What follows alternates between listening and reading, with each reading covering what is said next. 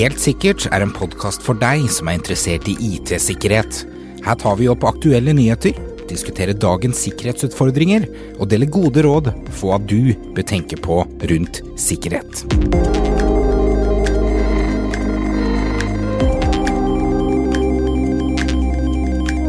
Det nærmer seg ferie for de fleste bedriftene.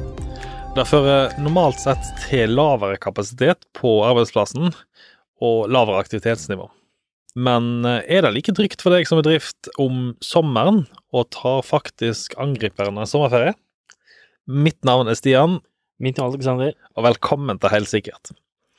Det nærmer seg ferie, med stormskritt, vil jeg nå si, og kanskje noen av oss allerede har begynt på ferie nå. Mm. Det er veldig lett å tenke og bli sånn passifisert i sommeren. Ja, jeg, jeg syns du sa det veldig fint. Ta, ta, har hackerne sommerferie?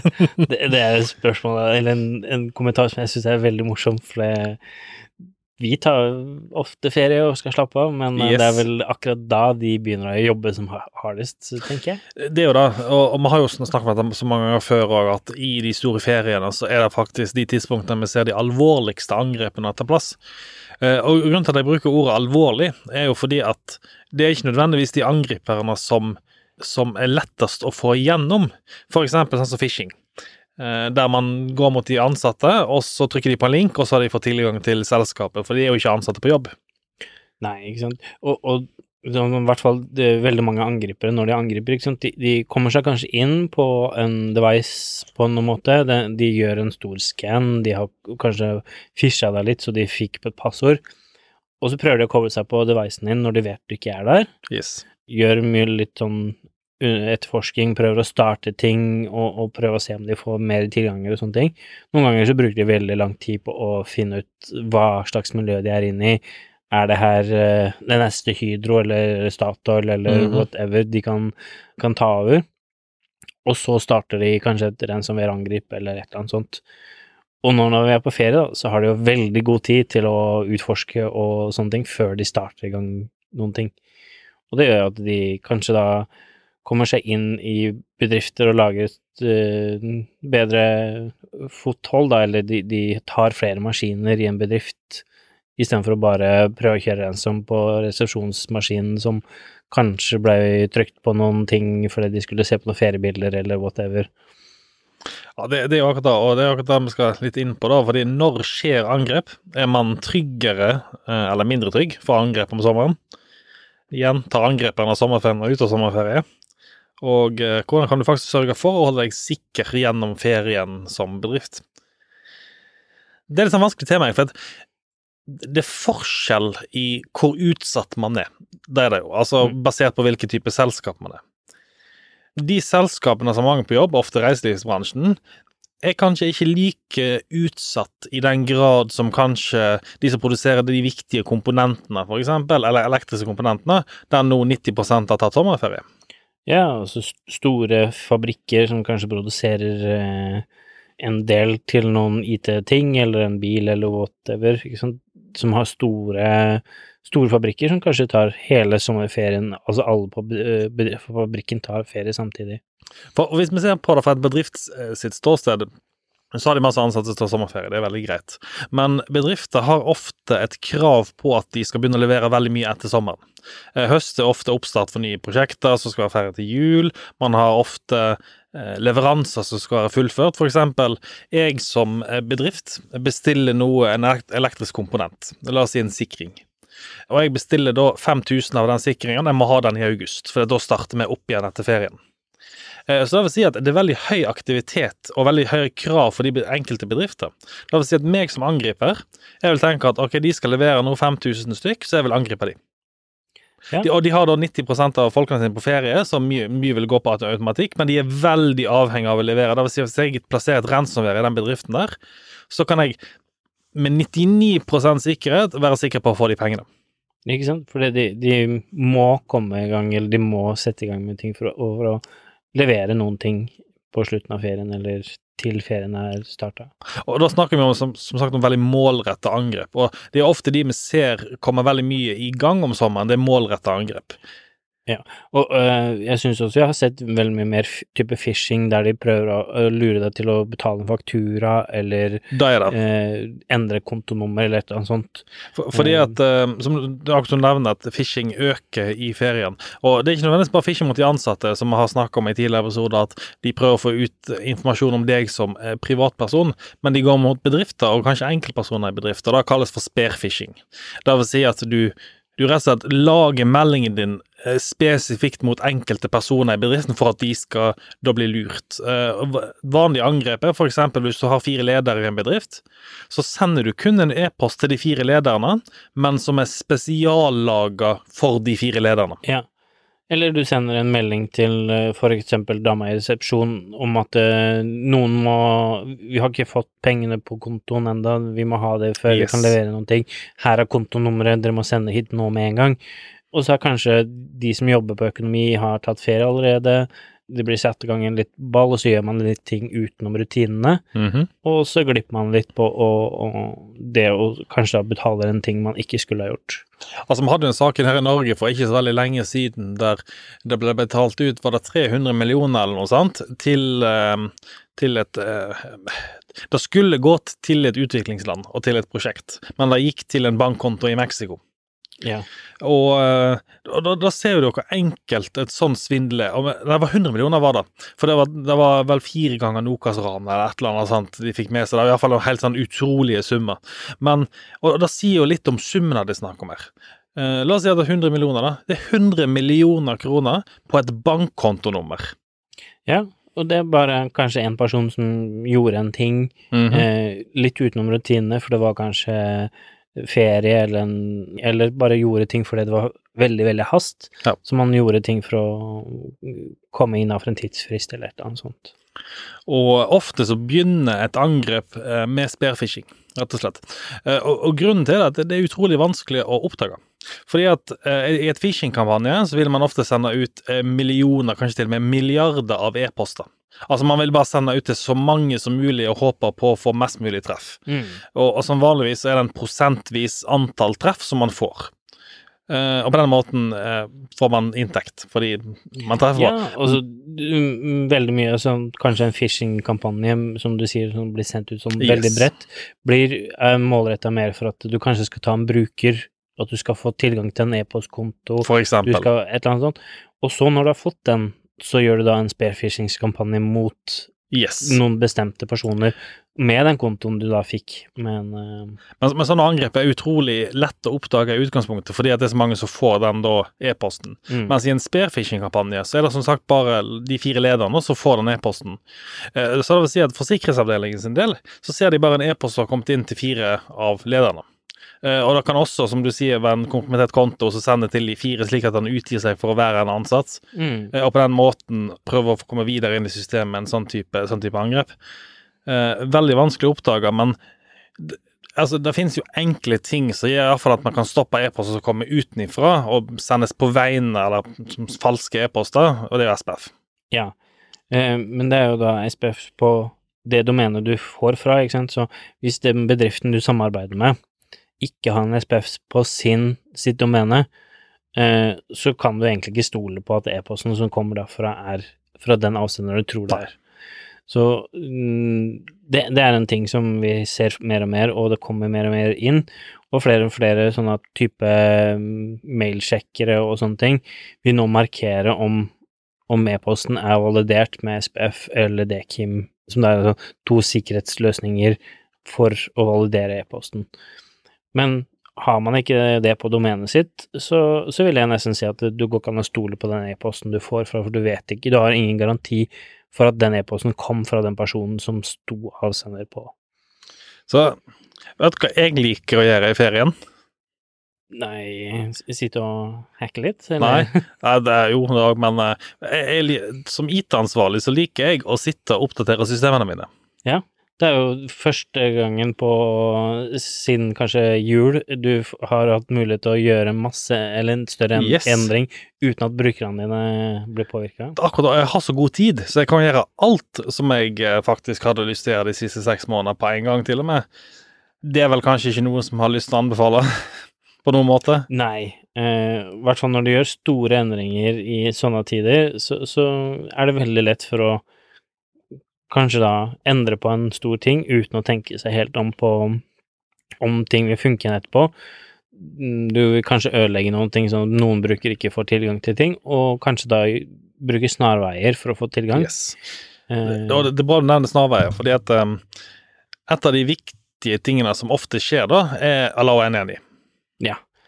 Det, å, det er så mange firewall-regler som allow any, any både ut og inn, og jeg syns at uh, begge deler er en fy-fy.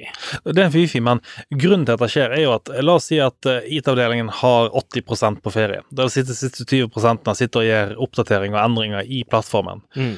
Uh, og de er kanskje viktige ting, og så er kanskje ikke han personen som har ansvar for brannmur til stede. Han har ferie. Ja. Så går de bare inn og legger til en N1-regel, fordi at de må bare få det til å virke. Ja, og det funka jo, så ingen bryr seg om å gå inn og fikse det enn etterpå.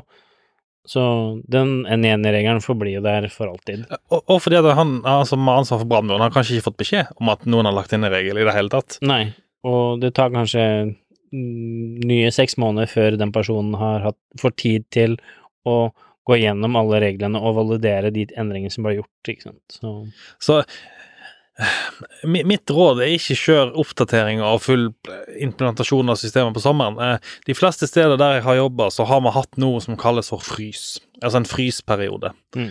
Eh, Det er et veldig veldig fint prinsipp. Jeg, jeg liker det prinsippet, iallfall som sikkerhetsarbeider og som IT-arbeider. Og det er rett og slett at i de kritiske periodene, dvs. Si ferietider og høytider der folk er vekke, så er det ikke lov å gjøre endringer i systemet. Nei. Og det høres kanskje ut som en sånn der oh, men, men folk er jo vekke, det går ikke utover folk. Ja, men du risikerer for det første risikerer du å gjøre en endring, og så er det faktisk ikke noen på jobb til å fikse det.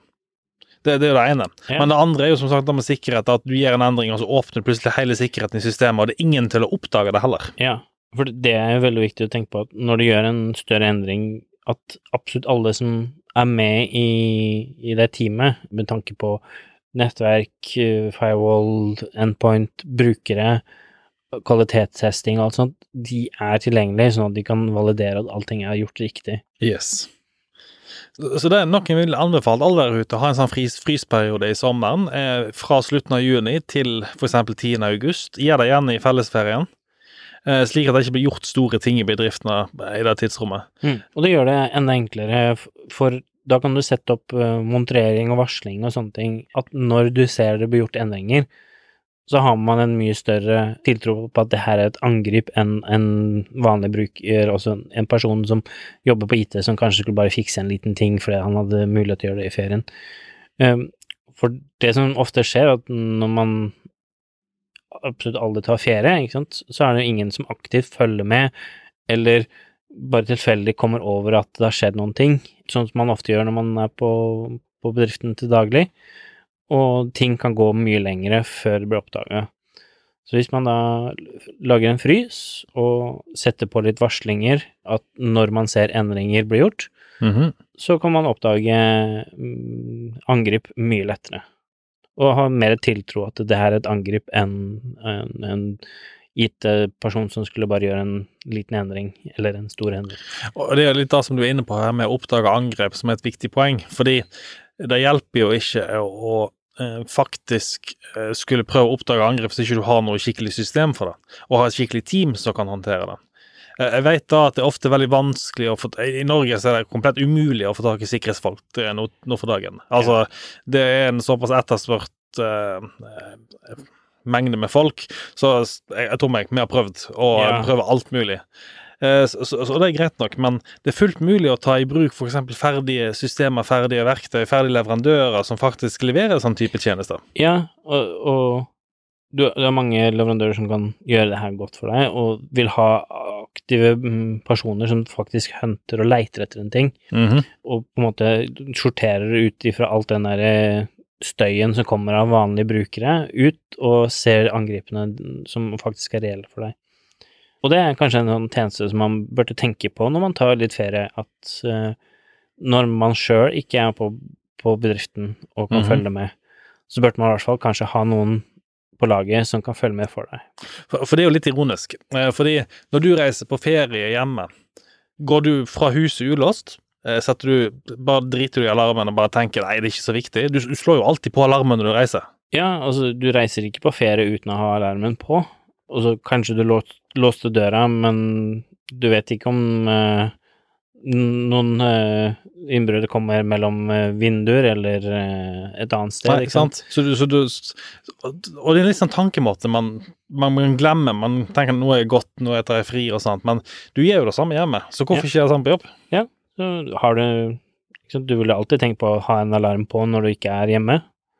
Og det samme burde man ha noe på bedriften, at man har noen som passer på når man ikke I hvert fall når man ikke er der sjøl, Mhm. eller i hvert fall ha noen til å passe på generelt sett.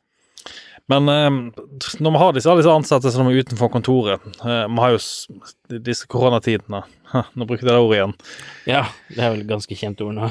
Eh, så, så er det jo mange som jobber hjemmefra. Eh, og da vil jeg også si at faren for at å miste utstyr, at utstyr kommer på avveie, er jo definitivt til stede. Ja, og i hvert fall nå når vi blander eh, hjemmekontor pluss litt ferie, så folk kanskje reiser eh, på en hytte, eller reiser til noen familiemedlemmer og sånne ting, og, og kombinerer kanskje det med jobb, fordi at man har lært seg det å jobbe hjemmefra, så man tar med seg utstyr som man har kanskje litt sensitiv data på. Det er jo utrolig lett å beskytte seg mot eh, å faktisk miste datamaskinen. Vi har jo nevnt dette her er sikkert utallige ganger tidligere, folk blir kanskje lei av å høre dette her, men kryptering Ja, det er vel har vel nevnt det ganske kraftig, at det, det er et must på alle devices du har utenfor uh, dine låste vegger. Altså, tar du med laptopen fra kontoret og hjem, tar du med laptopen ut på møter, har du mobiltelefonen du bruker på bedriften, så må alt sånt utstyr krypteres. Ja. og det er, jo, det er jo så enkelt at du kan sette det som en policy, altså en group-policy, for eksempel hvis du har Windows-nettverk, så at alle PC-er skal være kryptert. Ja, du kan gjøre det med group policy så, og sånne ting. Du får veldig ofte med nye endpoint security devices, eller programvare, eh, mulighet til å slå det på. Veldig mange MDM-løsninger som gjør at du kan låse det på mobiltelefoner. Um, nå når vi har gått mer og mer ut i skyen til Asher og, og de tinga, så har du funksjoner der som kan passe på at allting er på. Så det å administrere og passe på at alle devicene som er mobile eh, i bedriften, eh, i hvert fall har på kryptert disk, er ikke vanskelig. Nei, og den er vel enkel beskyttelse, for hvis noen stjeler laptopen da, så er du i hvert fall sikker at de ikke får tilgang til dataene, og ofte så kan det jo være store mengder data som ligger på de PC-ene. Ja. Det man kanskje ofte tenker først på når man mister en, en laptop, eller blir frastjålet en laptop, er liksom å, den var så dyr og, og det kosta så mye penger. Men ofte så får man de pengene igjen, kanskje med forsikring eller et eller annet sånt, og i det store og det hele så var ikke den, den tingen så, så kostbart. Men når du mister all dataen, kanskje bedriftshemmeligheter, kanskje noe sensitiv loginer, så hele bedriften faktisk kan, kan nesten gå under hvis du mister feil data, eh, eller du mister personopplysninger, så du må gå ut og fortelle om at persondata er på avveie, og kanskje får litt dårlig rykte på grunn av sånne ting. Vi har jo tidligere snakka om, um, om litt trådløse aksesspunkter og åpne nettverk. Jeg skal ikke si så veldig mye om det nå, men det er jo en, en reell fare når man tar med seg jobb- jobb- jobblaptopen rundt omkring. Ja, og i hvert fall når du jobb, bruker arbeidsdevicer, så vil jeg absolutt anbefale at um, man skal tenke seg godt om eh, før man kobler en arbeidslaptop eller en ting du bruker på jobb, til et åpent, trådløst nettverk. For vi vet jo alle hvor enkelt det er å, å lure en sånn device. Ja, det skal ikke så mye til, for å si det sånn. Og da, som sagt, VPN, Always On VPN, er jo et krav, egentlig, i, i dagens eh, miljø. Ja. Eh, og bare sånn kort forklart hva Always betyr, så betyr det at VPN-tilkoblingen er tilkobla med en gang du får internett. Eh, Og det vil si at du får heller ikke brukt PC-en på internett før VPN er aktiv. Ikke sant? Eh, og i, i noen tilfeller så får du faktisk ikke koble deg til eh, logge på PC-en engang. Eh, fordi at han krever at du skal ha en aktiv tilkobling mot systemet til bedriften. Mm. I de mer sikre tilfellene så vil det være et alternativ. Så den aller største tingen som er eller beste måten å sikre seg på, det er rett og slett eh, å kunne tenke sjøl. Ja. Tenke seg om litt mer eh, når man eh, er på ferie. At man skal vurdere at de tinga man gjør, er gjort en sikker, eh, på en sikker måte. Og da, da kalles på eh, fine fagspråket vårt for sikkerhetskultur. Og det handler rett og slett om at vi lærer opp de ansatte til å tenke på sikkerhet sjøl, og ikke nødvendigvis eh, bli pressa på sikkerhetsløsninger som ikke de skjønner noe av. Nei, for det er ofte det vi ser når vi prøver å presse på sikkerhet så mye som mulig, og det noen ganger blir litt for vanskelig for brukerne, så finner de snarveier og kanskje skriver ned passordet. De kobler seg på et, et, kanskje et åpent trådløst nettverk istedenfor å bruke det sikre nettverket på jobben, fordi at det var litt enklere. Med en blanding av tiltak på sikkerhet og sikkerhetskultur, så får man eh, kanskje den beste ut av arbeidstakeren sin. Altså, jeg kan nok, eh, Hvis vi skal ta et eh, fint historie eller eksempel på det, så vil jeg si at når, du- når du setter deg i bilen, så bruker du sikkerhetsbelte. Og du bruker jo sikkerhetsbelte fordi at du vet at det kan redde livet ditt hvis det skjer noe. Mm. Eh, Det er fortsatt påbudt å gjøre det, men det er jo ikke av noen andre du velger å bruke sikkerhetsbelte. Altså, du bruker ikke det fordi at du kan risikere å bli slengt gjennom vinduet og så lande på noen, for mest sannsynlig er du død når du flyr gjennom vinduet. Sant? Så du gjør det av egen vinning. Eh, Og litt av samme så er det med å faktisk eh, med sikkerhet. Når du som IT-ansvarlig, IT-sikkerhetsansvarlig setter på sikkerhet på brukeren din, så må de skjønne hvorfor det er der. Mm. Men så bruker de ikke. Hvis vi bare hadde plassert for eksempel um, la, la oss si at vi hadde plassert uh, sikkerhetssele i en bil. Vi hadde ikke forklart til brukeren at det var der, vi hadde bare hengt det der. Og så hadde vi bare forventa at brukeren skulle skjønne at det er for sin egen sikkerhet. Mm. Så hadde det ikke blitt brukt. Nei, og, Eh, og i noen tilfeller så kan, ville de kanskje bare ignorert det hvis du hadde fått sagt at du skal bruke det, men du sier ikke hvorfor. Nei. Og litt sånn gjør vi med sikkerhet i dag. Eh, vi behandler det som om brukerne er, er, er veldig smarte og kan tenke sjøl og har alt de beste innsiktene, men sånn er det ikke. Og spesielt ikke her i Norge. Norge er et land som er utrolig naivt, jeg tror jeg sier det ganske mange ganger. Vi, vi tenker alltid at noen andre skal beskytte eh, oss hele tiden, men det er ofte ikke sånn det. Eh, og det samme setebeltet setebelte. Sikkerhetsløsningen må være sånn at den faktisk hjelper brukeren til å forstå at sikkerheten er der. ja, i, de eksempler og sånne ting på hvor, hva som kan skje hvis man ikke bruker det.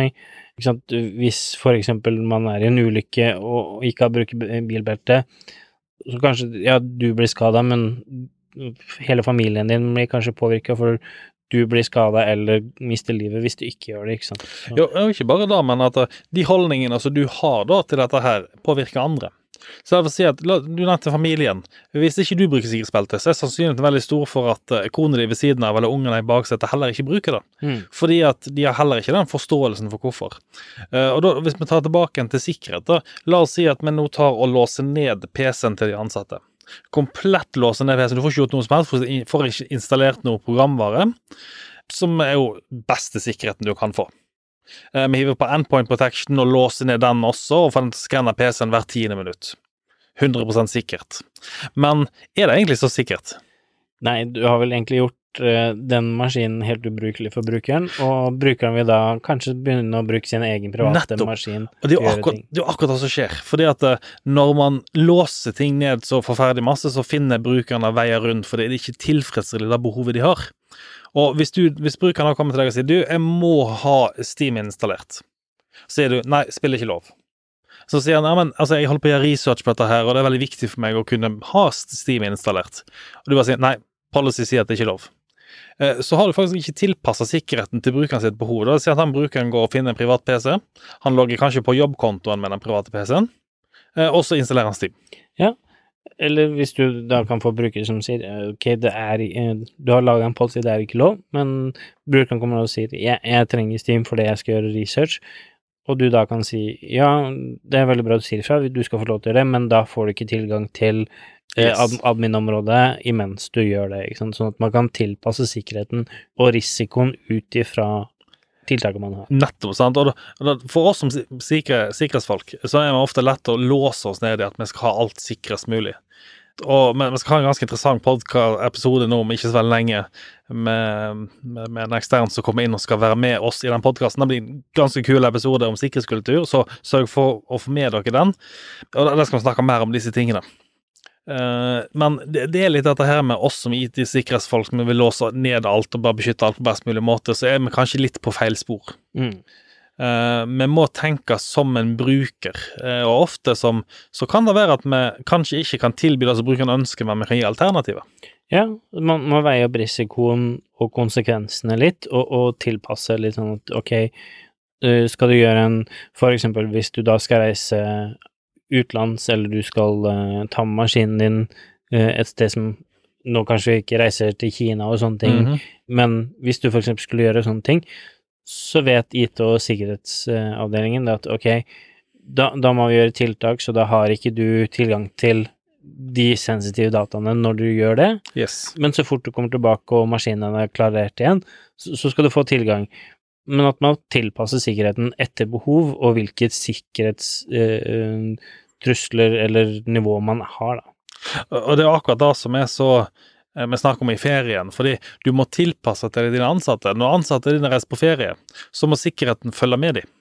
Ja. Det, du kan ikke bare ha de samme policyene som du har resten av året. Du må faktisk tilpasse sikkerhetsløsningene slik at de faktisk fungerer. At de kan ta med jobblaptopen sin på PC. Fordi det som er fint med jobblaptopen, er at du har noe kontroll på den. Mm. Og la oss si at du da eh, gir de en virtuell PC, eksempel på den jobblaptopen, og sier denne kan du bruke til alt denne fritidsaktivitetene dine. Så har du fortsatt kontroll på PC-en, du har gitt de tilgang til å kunne gjøre alt det de ønsker sjøl når de er på ferie, og på den måten har iallfall noe kontroll igjen. Og du har faktisk gitt litt, men fortsatt har kontroll på sikkerheten. Ja. For det beste du vil, er jo å styre eh, brukerne sånn at de ikke tar snarveier og gjør Yes. ting eh, på egen hånd. Og, og det er nok kanskje den, det aller største tipset og kan sitte igjen med her eh, etter denne episoden her, er rett og slett at det, det er sikkerhetskultur det handler om. Eh, Du hiver på all slags mulige sikkerhetsløsninger og alt VPN-løsninger sånn, men til syvende og sist så er det brukeren der, som det står på. Ja, og du, du kan bygge det, som du sier, det sikreste eh, hvelvet rundt maskinen din, men hvis eh, brukerne da velger å bruke noe annet, så er jo alt av den sikkerheten du har gjort, helt borte. For eksempel med nevnte spearfishing på faktura, der de endrer fakturanummeret og kontonummeret. Eh, Selvsagt det finnes jo store systemer som sjekker svindel. For eksempel det, der banken jeg gikk gjennom her, som var DNB, har jo en egen avdeling som kun jobber med svindelsaker i bank, og allikevel så gikk en sånn type overføring igjennom. Og det kan godt være at i tilfelle DNB har sagt, gitt et varsel til selskapet, hei, eh, denne her overføringen her går til et nytt kontonummer. Fullt mulig at det har skjedd, nå skal ikke vi si noe, for jeg vet ikke om saken. Og så har den samme personen da, som sendte inn overføringen, er også kanskje den som godkjenner. Ja. Og den personen har ikke nok sikkerhetstilknytninger, eller sikkerhetstanker, til å faktisk tenke oi, jeg må kanskje dobbeltsjekke dette. Ja, og, og kanskje en sikkerhetskultur er ikke bare det at du må lære opp brukerne dine til å være veldig geni når det kommer til sikkerhet, men, men de må vite om rutinene som kanskje er rundt sikkerhet, sånn at det, ok, hvis um, en som jobber på økonomi uh, tar ferie, noen som da skal ta over og være feriekar for den personen, så er rutinene på plass, man Yes. vet hvor ting man skal gjøre. Så når det kommer sånn, ok, man har et nytt kontonummer, så er det faste rutiner på ok, da må man sjekke det sånn, man må gjøre det sånn at man vet alle de tinga, sånn at eh, du lærer opp brukerne dine til å faktisk gjennomføre det på en sikker måte. Mm. Ikke det at alle brukerne dine må være beste på sikkerhet innenfor alle Nei, områdene, det, det jo ikke, men men at man har tiltakene på plass. Yes. Så, så sitter du igjen med noe i episoden. Eh, min anbefaling er bygg sikkerhetskultur. Og det, det koster så lite. Eh, det, du trenger ikke å kjøpe en dyre lisenser. Du trenger ikke kjøpe en dyr programvare, men rett og slett bygge bevissthet. Det, det er egentlig alt som skal til eh, Mm. for å sikre deg best mulig. Og det største parten av alle angrepsforsøk som er suksessfulle, skjer via brukerne. Ja. Det er de jeg er mest redd for. Og Jo, for det, det er jo ofte sånn at det, kanskje det, den som har jobbet veldig fast med en ting, kan det veldig godt og har lært og skjønt alt rundt sikkerhet på det, mhm. men så kommer det en ny person som skal ta over i ferien, skal være feriekar, har bare blitt satt inn i rollen akkurat der og da, som ikke kan alle de sikkerhetstinga man må tenke over, og, og gjør de tinga eh, som kanskje gjør at man blir lett lurt og, og kanskje trykker på feil ting og gjør ting. Som et siste tips eh, før vi avslutter for i dag, så vil jeg si ta gjerne en ekstra sjekk av backupen deres. Eh, og kjør en full disaster recovery nå rett før sommerferien. Og, og, flytt den til en offsite-lokasjon, altså ikke ha sånn online backup-løsning. Som vi sier, at du har det minimum tre steder. Eh, så ha det gjerne lokalt, eh, eksternt og offline. Det, det er Og- de tingene som er absolutt anbefalt. Og har dere muligheten til å gjerne test på òg, slik at dere faktisk vet at dere får dataen tilbake. Yeah. Jeg har dessverre vært borti så mange tilfeller der man har fått uh, kunder med ransomware som i ferien. De har ikke oppdaga det før det har gått lang tid fordi det ikke har vært folk på jobb. Og når man skal kjørt backup tilbake igjen, så har man ikke fått backupen igjen fordi at de ikke har testa den. Ja, eller at sånn som hvis man da ikke har tatt offside backup, eh, og det har skjedd noen ganger, at de som da har kommet inn og kjørt ransom, har da fått tatt kontroll over backupen og sletta den også. Yes. Så Så som en avslutningsvis, eh, backup, sjekk det før dere stikker på ferie, vær så snill. Det, det Ja. redder oss eh, Det redder vår ferie, for å si det sånn, hvis dere bare fikser den enkle tingen der. det, det er i hvert fall den viktigste ting å tenke på. Og litt Jeg vil også anbefale at man eh, tenker seg litt om på de tingene når man reiser på ferie. Så reiser man fra å kanskje ikke følge med på alle ting, Mhm. Men er enda da viktigere å kanskje slå på litt mer logging. Og Windows-loggene, de er, eh, sletter seg sjøl etter en liten periode. Og i hvert fall hvis du får ransom, så vil den loggen du hadde på maskinen, bli automatisk sletta. Mhm. Så hvis man har en log-funksjon som gjør at man kan spore, så kan man enklere finne ut hva som skjedde, og kanskje var i begynnelsen av ferien det skjedde noen ting, men man merka det ikke før i slutten, at man da har hele historien. Så tenker jeg var alt for i dag. Eh, dere får ha en riktig god ferie der ute. Eh, når dere kommer så langt, i hvert fall hvis ikke dere allerede er i gang. Eh, og vær trygg i ferien. Ja, pass på. Både PC-en og, og Og bedriften, ikke minst. Yes. Og, og, og alt som er internt. Så god ferie, og ha det bra. ha det bra. Podkasten Helt sikkert er laget av Cybron Security og produsert av Shaw Media. For mer informasjon om IT-sikkerhet, gå inn på cybron.no, eller så finner du oss også på Facebook under navnet Cybron Security. Vi tar gledelig imot innspill, tips, eller om du har spørsmål rundt din IT-sikkerhet.